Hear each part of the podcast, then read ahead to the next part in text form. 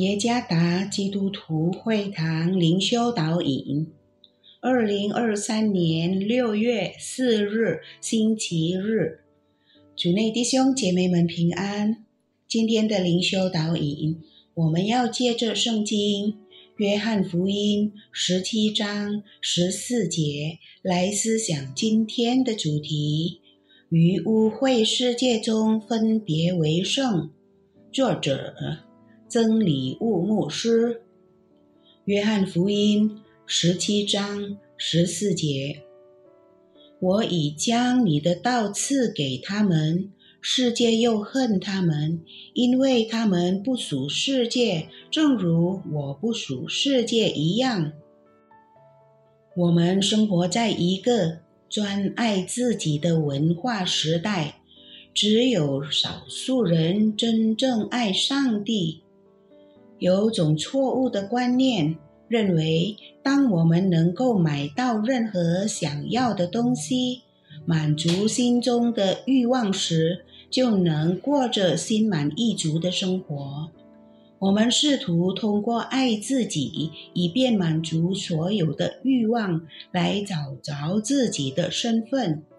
具有讽刺性的是，在这徒劳的努力中，我们反倒失去了自己作为上帝子民的身份。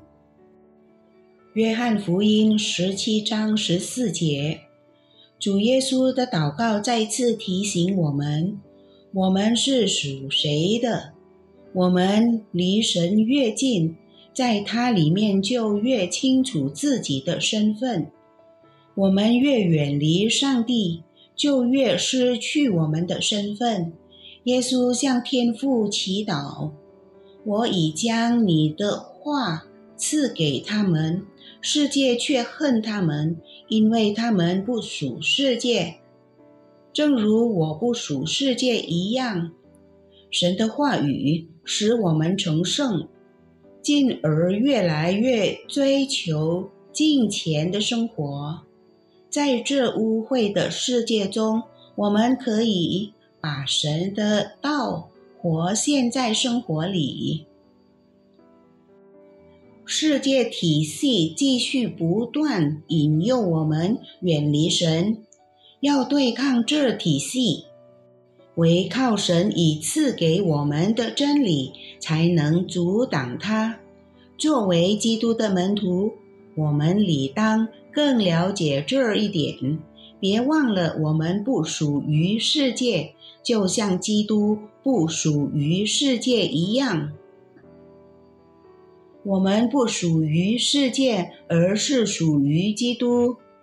当真理的道传给基督徒时，世界因此就恨他们。